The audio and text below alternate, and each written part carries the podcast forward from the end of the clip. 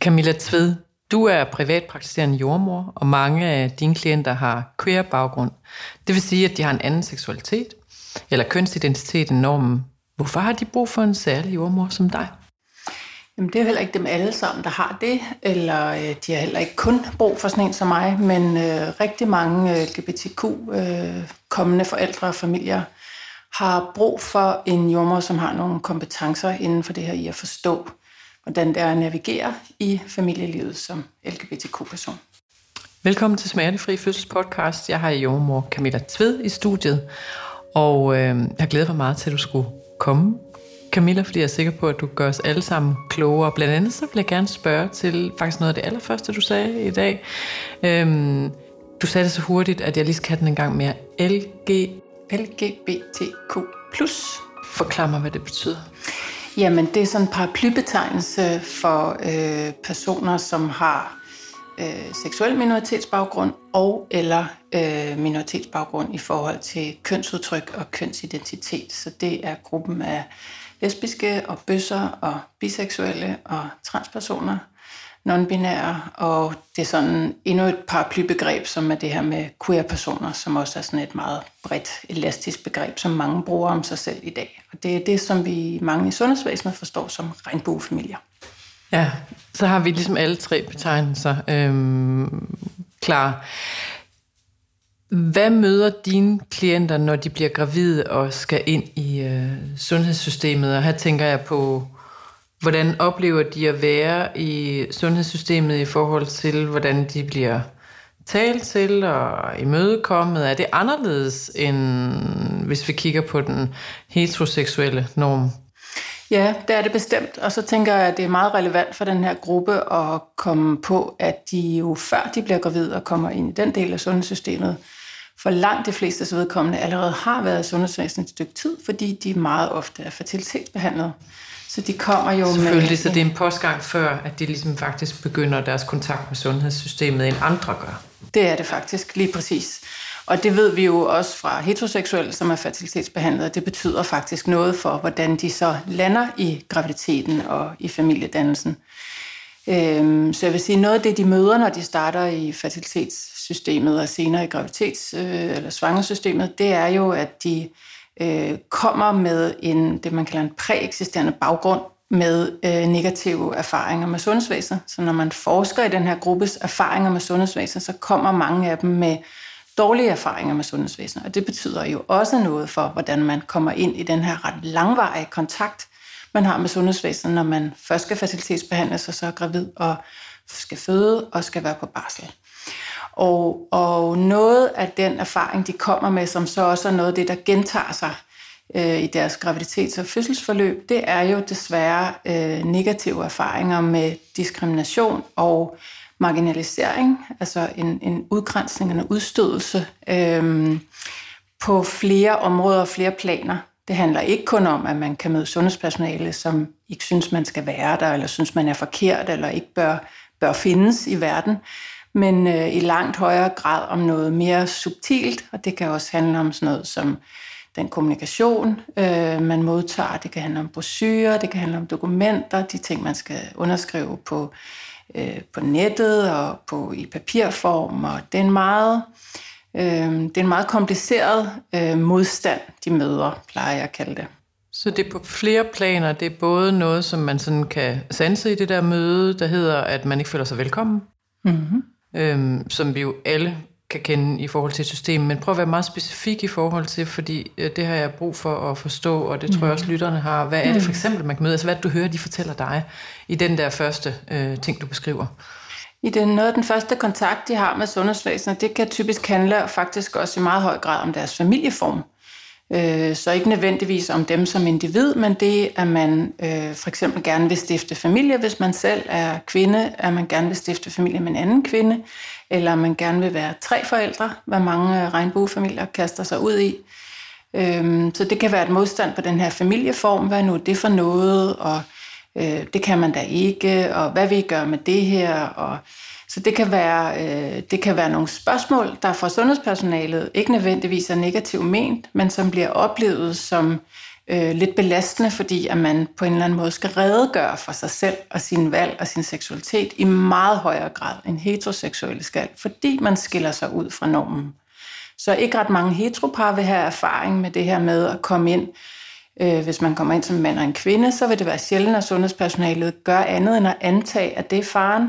Og man vil aldrig øh, få spørgsmål som, øh, hvad har I så tænkt jer med det her heteroseksuelle ægteskab og skulle have barn? øh, når nu skilsmisseprocenten er, er langt over 40 i de store byer.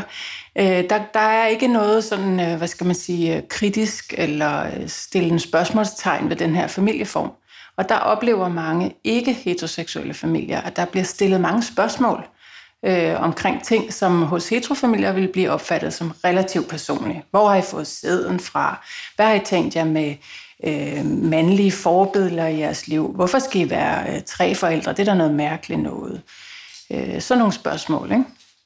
Så det bliver de simpelthen spurgt om, dem som har truffet et øh, andet valg, end at man lige præcis er i en... Øh, hvad så majoriteten er i konstellationen. Ja, og det kan også øhm. være sådan nogle antagelser som, når du har taget din søster med i dag, eller du har taget din mor med i dag, ja, og så, så er det i virkeligheden den andens partner, at, ikke? Ja, ja, præcis, som, som man præcis. tænker ikke nødvendigvis som som øh, sundhedspersonale i de baner, at, det kan, at der findes andet end heteropar. Så når der kommer to kvinder ind ad døren, så har man en altagelse om, jamen det må jo være en heteroseksuel kvinde, som har sin veninde med, eller sin søster med.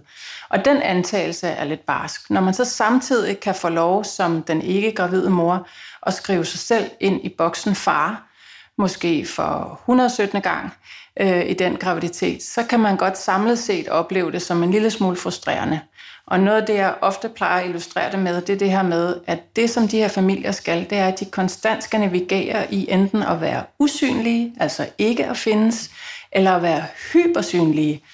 Og der er ingen af delene, der er på deres egne præmisser, og de ved aldrig, hvornår hvad er hvad, når de kommer ind i et rum.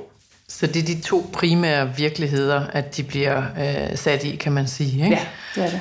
Og det synes jeg faktisk er et rigtig fint billede på det, fordi det tror jeg, øhm, selvom man jo aldrig kan sætte sig i nogen situation, som man ikke har været i, men den der, sådan, den farer i hvert fald ind hos mig som sprogbillede, og jeg forstår præcis, hvad det er, du siger. Øhm,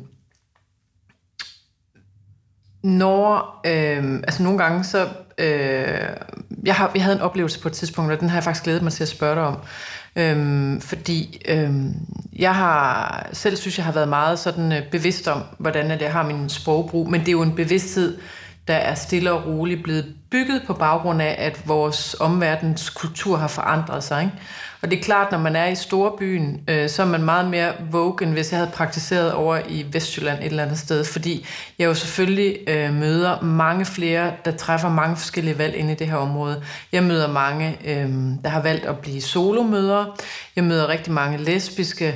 Øh, jeg har faktisk endnu ikke mødt den der konstellation, hvor at øh, man har valgt at have to forældre ud over den, der bærer barnet. Øhm, men det har jeg jo så gjort i nogle andre øh, sammenhænge. Så er det typisk været sådan noget, så har man været, øh, hvad hedder det, altså det har været mand, kvinde, og så har man så haft en søster eller mor med, altså hvor der er flere fødselshjælpere. Men det er der jo også nogen, der kan blive mødt virkelig øh, på. Ikke? Men hvis vi nu holder snuden i sporet i forhold til det, vi taler om, så oplevede jeg på et tidspunkt, at jeg fik øh, en mail, hvor et emnefeltet var, der, at du har lavet en fejl. Øh, det er jo allerede sådan et kommunikationsspor, hvor man tænker, okay, skal vi ind og en samtale her, eller skal jeg ligesom beklikkes for et eller andet. Ikke? Og så var der en, der skrev til mig, at de var et lesbisk par, som havde øh, bestilt et kursus hos mig. Og øh, de var blevet meget øh, beklikket over, efter at have læst min hjemmeside, hvor at der øh, nogle gange stod øh, mand og far i stedet for øh, partner. Og jeg troede faktisk, jeg havde luet totalt ud af det der, for det var en gammel sprogbrug, før jeg var mere, mindre, eller jeg var mindre bevidst omkring det her. Øhm, og til at simpelthen havde haft nogle klienter i butikken, som øhm, hvad hedder det, var lesbiske øhm, og så videre, at jeg overhovedet gjorde mig den øh, idé, at jeg skulle ændre min sprogbrug. Ikke? Og så kunne jeg bare mærke, at jeg blev, øh, jeg blev sådan vred over den der måde at blive konfronteret på. Ikke? Øh, så jeg skrev tilbage, jeg fandt virkelig mit bedste hjerte frem, så skrev tilbage, altså jeg er, altså det interesserer mig overhovedet ikke, om man kommer med det ene eller det andet køn. Det, der interesserer mig, det er, at I skal til at være forældre. Altså virkelig over en bred kamp. Ikke? Og jeg, jeg tænkte bare, jeg lægger mig ikke ned i forhold til, at der står det der, fordi jeg ved i, min, i mit hjerte, at når de kommer, jeg kunne aldrig nogensinde drømme om at se mand eller far, som I aldrig. Ikke? Øhm, og øhm, og så, så skrev hun meget bredt tilbage, øhm, altså med alle mulige links til alt muligt, hvor der var øh, sådan en retfærdiggørelse af, at øh, alle vi andre havde taget fejl i det her. Ikke? Øhm, og jeg kan jo ikke sige, at det er et generelt billede, men jeg kan sige, at jeg har oplevet det i nogle flere sammenhænge, at der er meget sådan en øh, krænkelsesparathed, som står sådan lige for, for døren, ikke? Altså, hvor jeg følte mig nærmest krænket, fordi det er ikke sådan, jeg er, og pludselig bliver set på som en person, der havde taget fejl, eller ikke var mig bevidst, for der er noget, jeg kan blive beklikket på, så det er for at vide, at jeg ikke er vogue i forhold til, hvad det er, at, øh, der, der sker. Ikke? Altså, jeg kan også lige arbejde lidt med, men forstår du, hvad jeg mener? Altså, og der er det, jeg vil spørge dig om. Øhm, den der øh, aggression, som man kan blive mødt med, altså i forhold til at sige noget forkert, øh, det kunne også have været på kursus, der var blevet sagt noget forkert, Hvorfor er det så vigtigt for den her gruppe af mennesker at blive talt til på den rigtige måde? Og du har vel lidt ind på det med det der historik, du har, du har sagt, men jeg synes alligevel godt, at det, det kan fortjene et øh, tydeligt svar. Altså for det første, så tror jeg ikke, man kan generalisere noget som helst om den her gruppe, og jeg tror også, man skal passe på med at generalisere, hvordan folk reagerer på det, de oplever som stødende eller respektløs eller krænkelser. Øh, så jeg tror, det er vigtigt at, at, at se det lidt bredere end det. Her har været et par, som ikke har haft overskud til andet. Du kender ikke øh, deres historik. Vi ved ikke, hvad deres baggrund er. Vi ved ikke, hvad deres motivation er.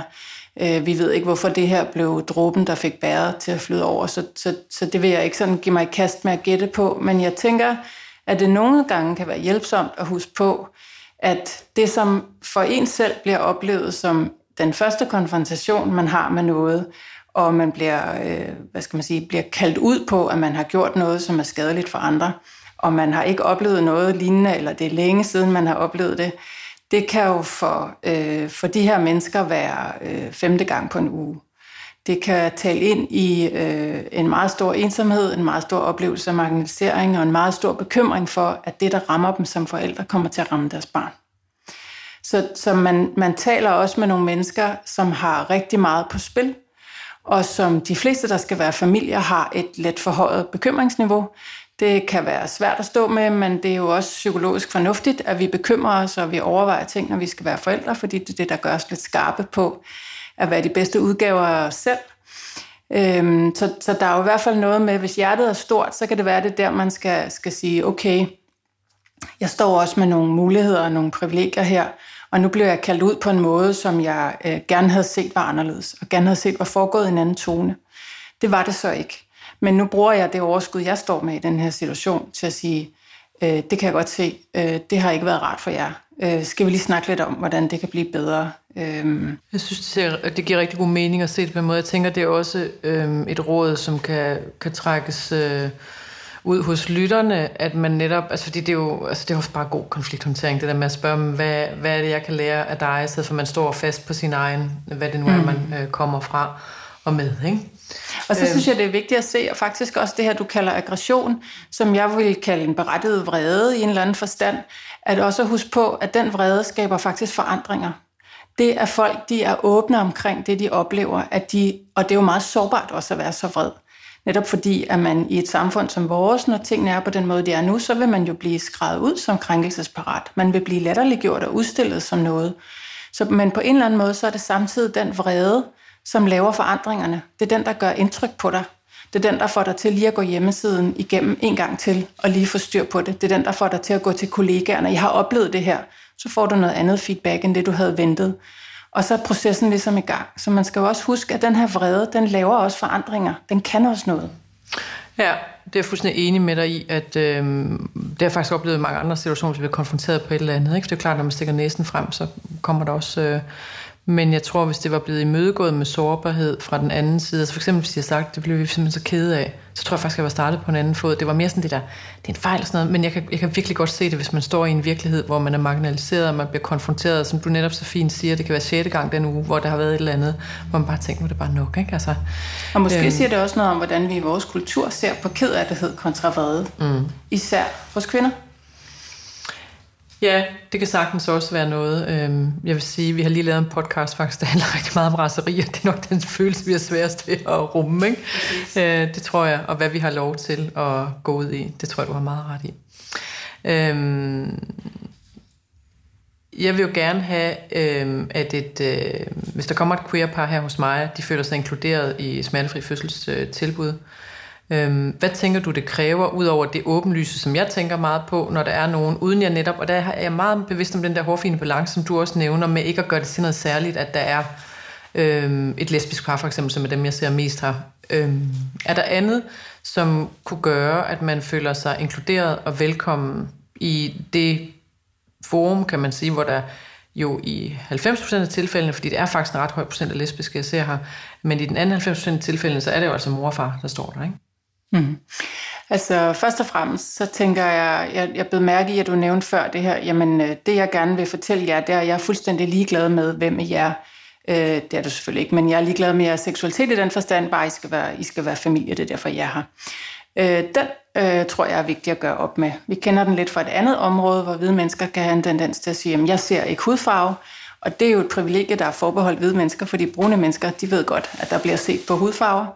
Og det er, sådan, det er lidt den samme pangdang, det her med, at det er nemt nok at sige, at jeg er ligeglad med, hvad for en seksualitet folk har. har. Her får alle det samme. Det er sådan en klassiker for alt sundhedspersonale, vil jeg sige.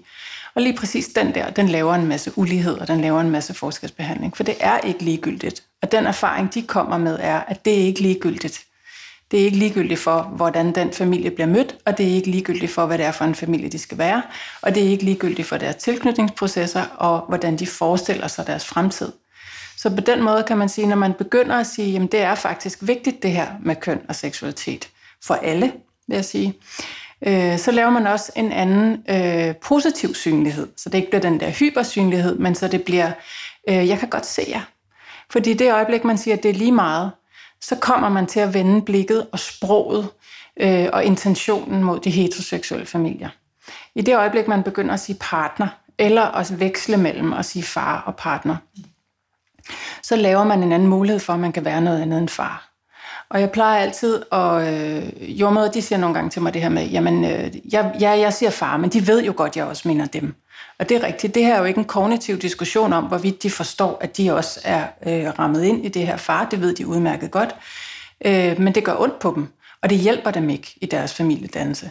Så der prøver jeg nogle gange at sige til dem, det der er forskellen på partner og far, fordi jordmøder de siger nogle gange, jamen når far så, øh, hvis vi kun siger partner, så bliver far usynlig. Og far er usynlig nok i forvejen. Det er rigtigt, det ved vi fra forskningen, at det, han føler sig usynlig i de processer, og det er et problem.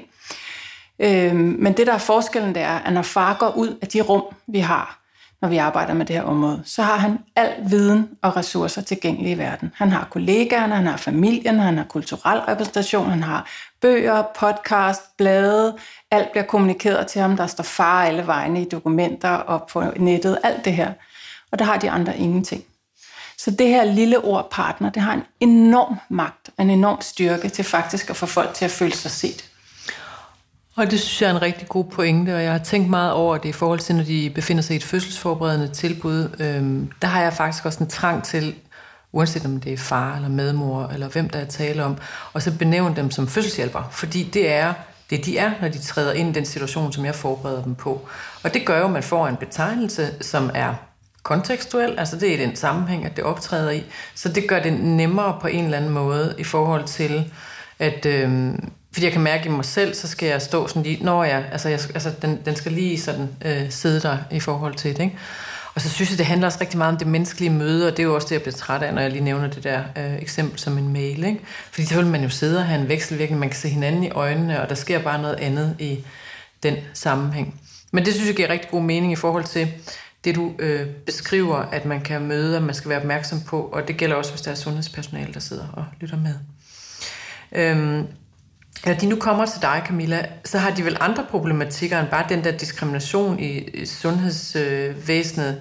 Øhm, kunne du prøve at fortælle noget om, hvad dine øh, klienter typisk tumler med? Og der kunne jeg godt lige tænke mig at udvide spørgsmålet lidt med, jeg har lyttet meget til hende, som hedder Esther Perel, som jo har øhm, hvad hedder det, en del lesbiske også, og der går det jo op for mig, altså det, det er jo lidt de samme ting, men der må også være nogle ting, der er anderledes. Ikke? Altså, det gør faktisk mig skarpere, som lytter på, hvad det er, man møder som forældre, fordi der er så mange ting, vi associerer øh, fuldstændig af os selv med, når det, der taler om en far. Ikke? Altså, men det der med, når man bliver den anden forælder, er der sådan nogle ting, der adskiller sig? Eller er det meget det samme? Forstår du, hvordan jeg spørger?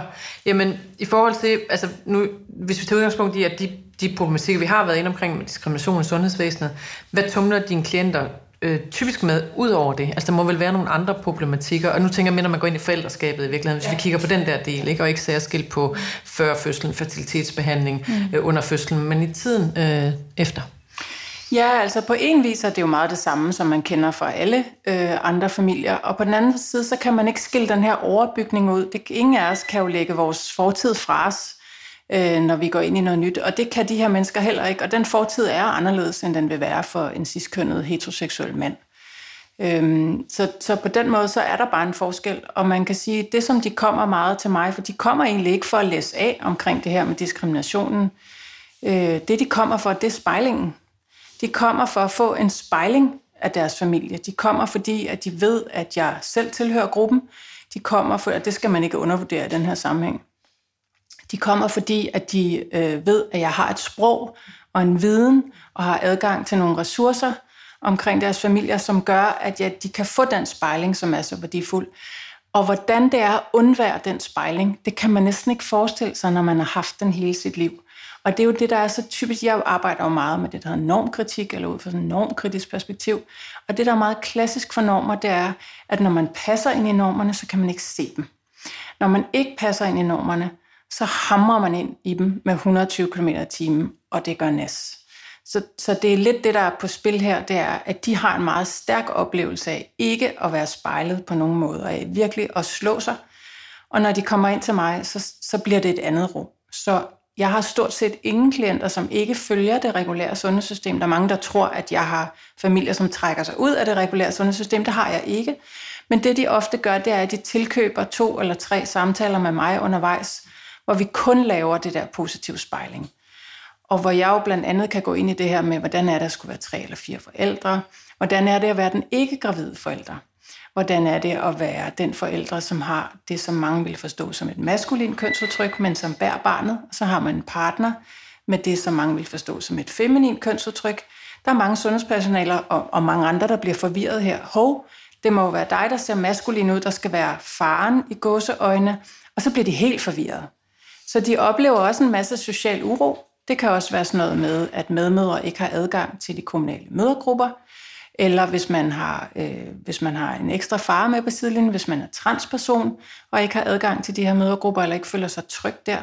Så, så det vi laver er hele tiden sådan en positiv spejling, og så en præmis, der hedder, jeg ved godt, hvad det er, I står med. Jeg ved godt, hvad jeres virkelighed er, fordi jeg møder næsten ikke andet.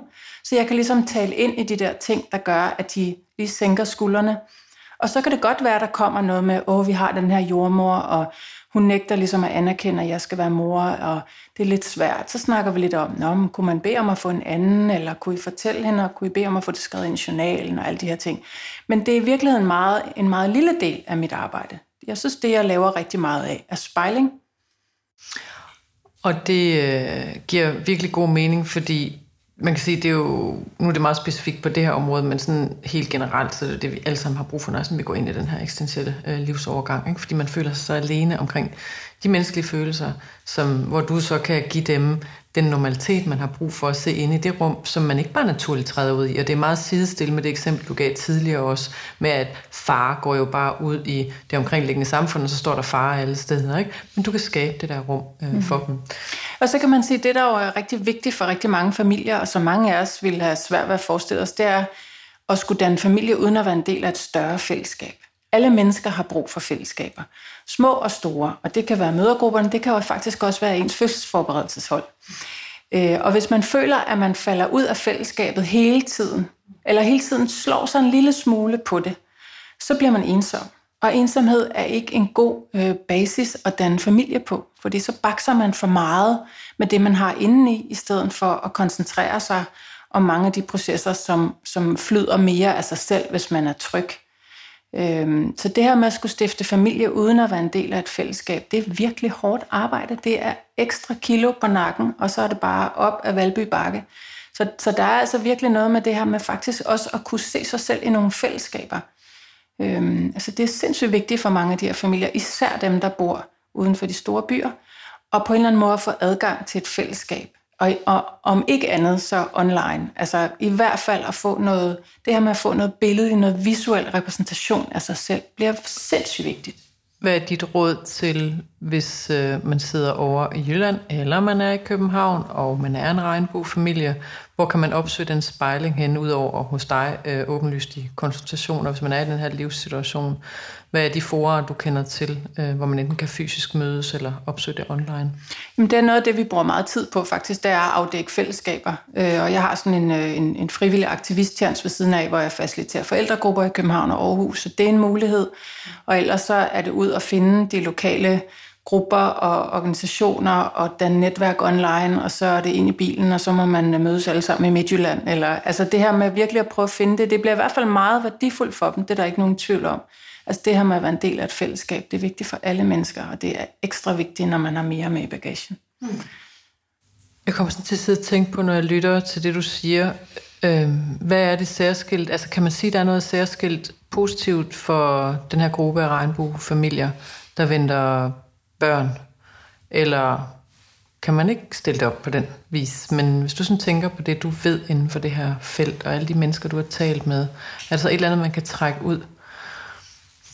Det er der helt sikkert. Altså, når man forsker i det, og vi har efterhånden, især i, øh, i øh, de regnbuefamilier, som handler om bøsser og lesbisk, der har vi rigtig meget og rigtig stor forskning, også international forskning. Og der kan man jo se, at de børn, som kommer ud fra de familier, de trives en lille bitte smule bedre, end de børn, som kommer ud af heteroseksuelle familier. De har på flere parametre en lidt bedre trivsel.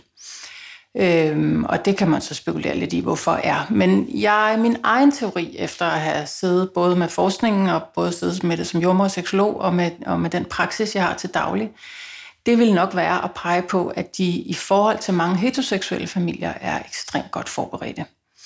Rigtig mange queer-personer ved godt fra en meget tidlig alder, at de sandsynligvis når, og hvis de vil have familie, det er jo ikke alle mennesker, der vil det, hvis de gerne vil det, så ved de godt, at de sandsynligvis skal fertilitetsbehandles, eller at det i hvert fald kræver noget planlægning på en eller anden måde. Det, der er ikke ret mange upser og hosager hjemme i, i kæresengen. Det kræver noget forberedelse.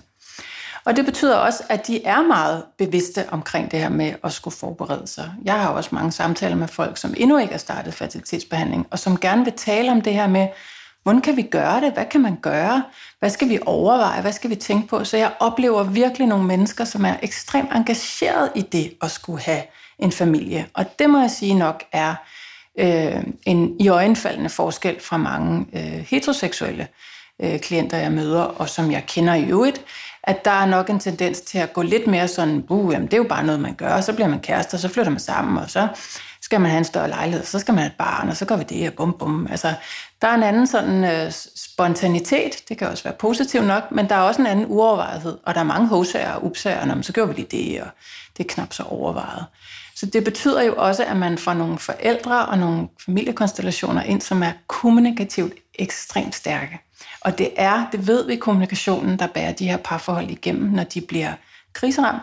Og det at få børn er i både positiv og negativ forstand jo en livskrise. Så hvor gode ens kommunikationsskills er i forhold til ens partner ens familie og nærmeste, betyder faktisk ret meget for, hvordan man kommer igennem den her krise. Og det er jo også derfor, vi kan se hos heterofamilier, at øh, skilsmisseprocenten er ekstremt høj. Og der kan man sige, at det der øget bevidsthedsniveau, vi klart kommer ind i, når vi er konfronteret på ikke at være en, stor, en del af den store mellemmasse, øh, det, det tror jeg rigtig meget, at du har, øh, hvad hedder det, eller jeg forstår det, når du siger, at det er det, at du også øh, oplever. Jeg har faktisk tit tænkt på det, og det er bare ligesom et sammenlignende eksempel, og nu siger jeg noget, jeg på ingen måde belæg for at sige, men jeg har oplevet det hos øh, børn, som var adopteret, at der har jeg lagt mærke til, at det tit var nogle meget bevidste mennesker, og at det tit var nogle meget kloge mennesker. Det vil sige, at der har været en ekstra opmærksomhed på det, for alle har været et ønskebarn, det der kom her. Det ved godt, det kan vi ikke lige køre over som en linje øh, strukturelt til det andet. Men den her øh, følelse af at være marginaliseret, som du jo har følt dig som værende, så når du har været en meget lille del af en gruppe, der har set anderledes ud end til alle de her pølsedanskere, man kom øh, op til. Ikke? Øhm, så der har trådt nogle af de samme ting i, øh, i kraft på en eller anden måde. Ikke? Altså, så man kunne sige, måske forberede det mere ud af det her begreb også, at hvis man er øh, hvad hedder det, en mindre gruppe, at så øges ens øh, bevidsthedsniveau ganske enkelt, så der kan være nogle positive ting at hente i det, simpelthen fordi, som du også lander på en pointe, at der kommer en bedre kommunikation. Man er simpelthen bedre til at kommunikere, for du er blevet tvunget til det. Ja, så vil jeg sige, noget af det, der også er rigtig vigtigt for de her familier, oplever jeg, det er, at man har en anden... Øh, man har en anden tradition eller en historik for at tale om sin seksualitet. Mm-hmm. Og det, jeg vil være en ringe seksolog, hvis ikke jeg pegede på, at det, som er noget af det, der ryger som det første i hos heteroseksuelle par, det er faktisk sexlysten, og det er, at man har et fælles sexliv, og dermed så ryger intimiteten, og så bliver det en ond cirkel. Øh, og der kan det være rigtig svært for mange heteropar, når man ligesom skal have dem tilbage på sporet, og øh, overhovedet det her med at skulle snakke om seksualitet. Hvad er det med køn og seksualitet? Hvad er det, du gerne vil med din egen lyst? Alle de her ting. Og der oplever jeg faktisk, at mange øh, queer-personer har mere sprog og mere forståelse, fordi de har været vant til at forholde sig meget aktivt til deres seksualitet fra en meget tidlig alder, fordi samfundet forholder sig meget aktivt til deres seksualitet. Så der er et helt andet sprog og en helt anden sådan værktøjskasse at hive op af, når tingene går lidt skævt. Hmm. Jeg tænker også på, at mange øh, heteroseksuelle par, de oplever, at kønsrollemønstret pludselig bliver meget traditionelt, når man har fået en baby. Øhm, ikke? Og her må queer forældre bare have det meget nemmere. Eller hvad? Mm, altså, de har det jo så sværere med nogle andre ting, kan man sige. Og det er jo ikke, fordi det ikke bliver ramt af, af, af traditionelle kønsrollemønstre. Men øh, jo, der er nok, øh, jeg vil i hvert fald godt sige, at, at man kan sige, at der er en tendens til at de står ikke med de samme udfordringer og problematikker, fordi alting er lidt kastet mere op i luften fra starten. Øh, det er ikke så givet, hvad det er, man skal. Og så kan man sige, at regnbuefamilier kan jo have mange konstellationer og mange blandede køn, så, så de er med. Men, men der er hele den her sådan, hvad skal man sige, sti, der er skåret ud fra os alle sammen fra barns ben, at hvis man er et pige, så skal man finde sig en dreng, og øh, så skal man gøre sådan, og så skal man gøre sådan, og den her relations øh, rulletrappe, så kører bussen ligesom den vej, og det er det, vi, vi har for at vide, vi kan forvente, og, og vi også får at vide, at vi skal ønske os. Øhm, og så har man godt nok lige så langsomt fået ændret diskursen, så vi nu også kan snakke om seriel monogami, og så kan man blive skilt, men så kan man møde ny, og så kan man få nogle nye børn, og så kan man lave en ny familie, alt det her. Den er jo ikke skåret ud på samme måde som for LGBTQ-personer. Det er der ikke nogen tvivl om. Der, der er nogle flere veje og mere, og altså det hele er mere kastet op i luften. Jeg er blevet klogere, og jeg vil sige, at jeg er kommet videre fra det øh, udsagn, hvor jeg kan huske, at jeg i vrede, fordi den der aggression, som jeg mødte, den tændte også min aggression. Øhm, og jeg husker, jeg stod i vrede og råbte øh, ud i lokalerne ned igennem her, så var sådan noget, jeg er ligeglad med, hvem der knaller med hvem. Og der vil jeg sige, at du har givet mig en meget mere, øh, hvad hedder det, nuanceret øh, sprogbrug i dag, og også et andet bevidsthedsniveau, ikke? Og vi har og også, at man skal i hvert fald have boet under en sten, hvis man ikke har oplevet, at øh, samfundet har ændret sig. Der er nogen, der tydeligt har gjort opmærksom på den sprogbrug, vi tager som en selvfølge. Og øh, det kan vi kun alle sammen blive et bedre folkefærd af. Så tak for dit indspark i den her øh, debat, øh, Camilla. Mm. Og i dag var det tilrettelægger Johanne Myggen og vært Anja Bay. Mange tak for nu.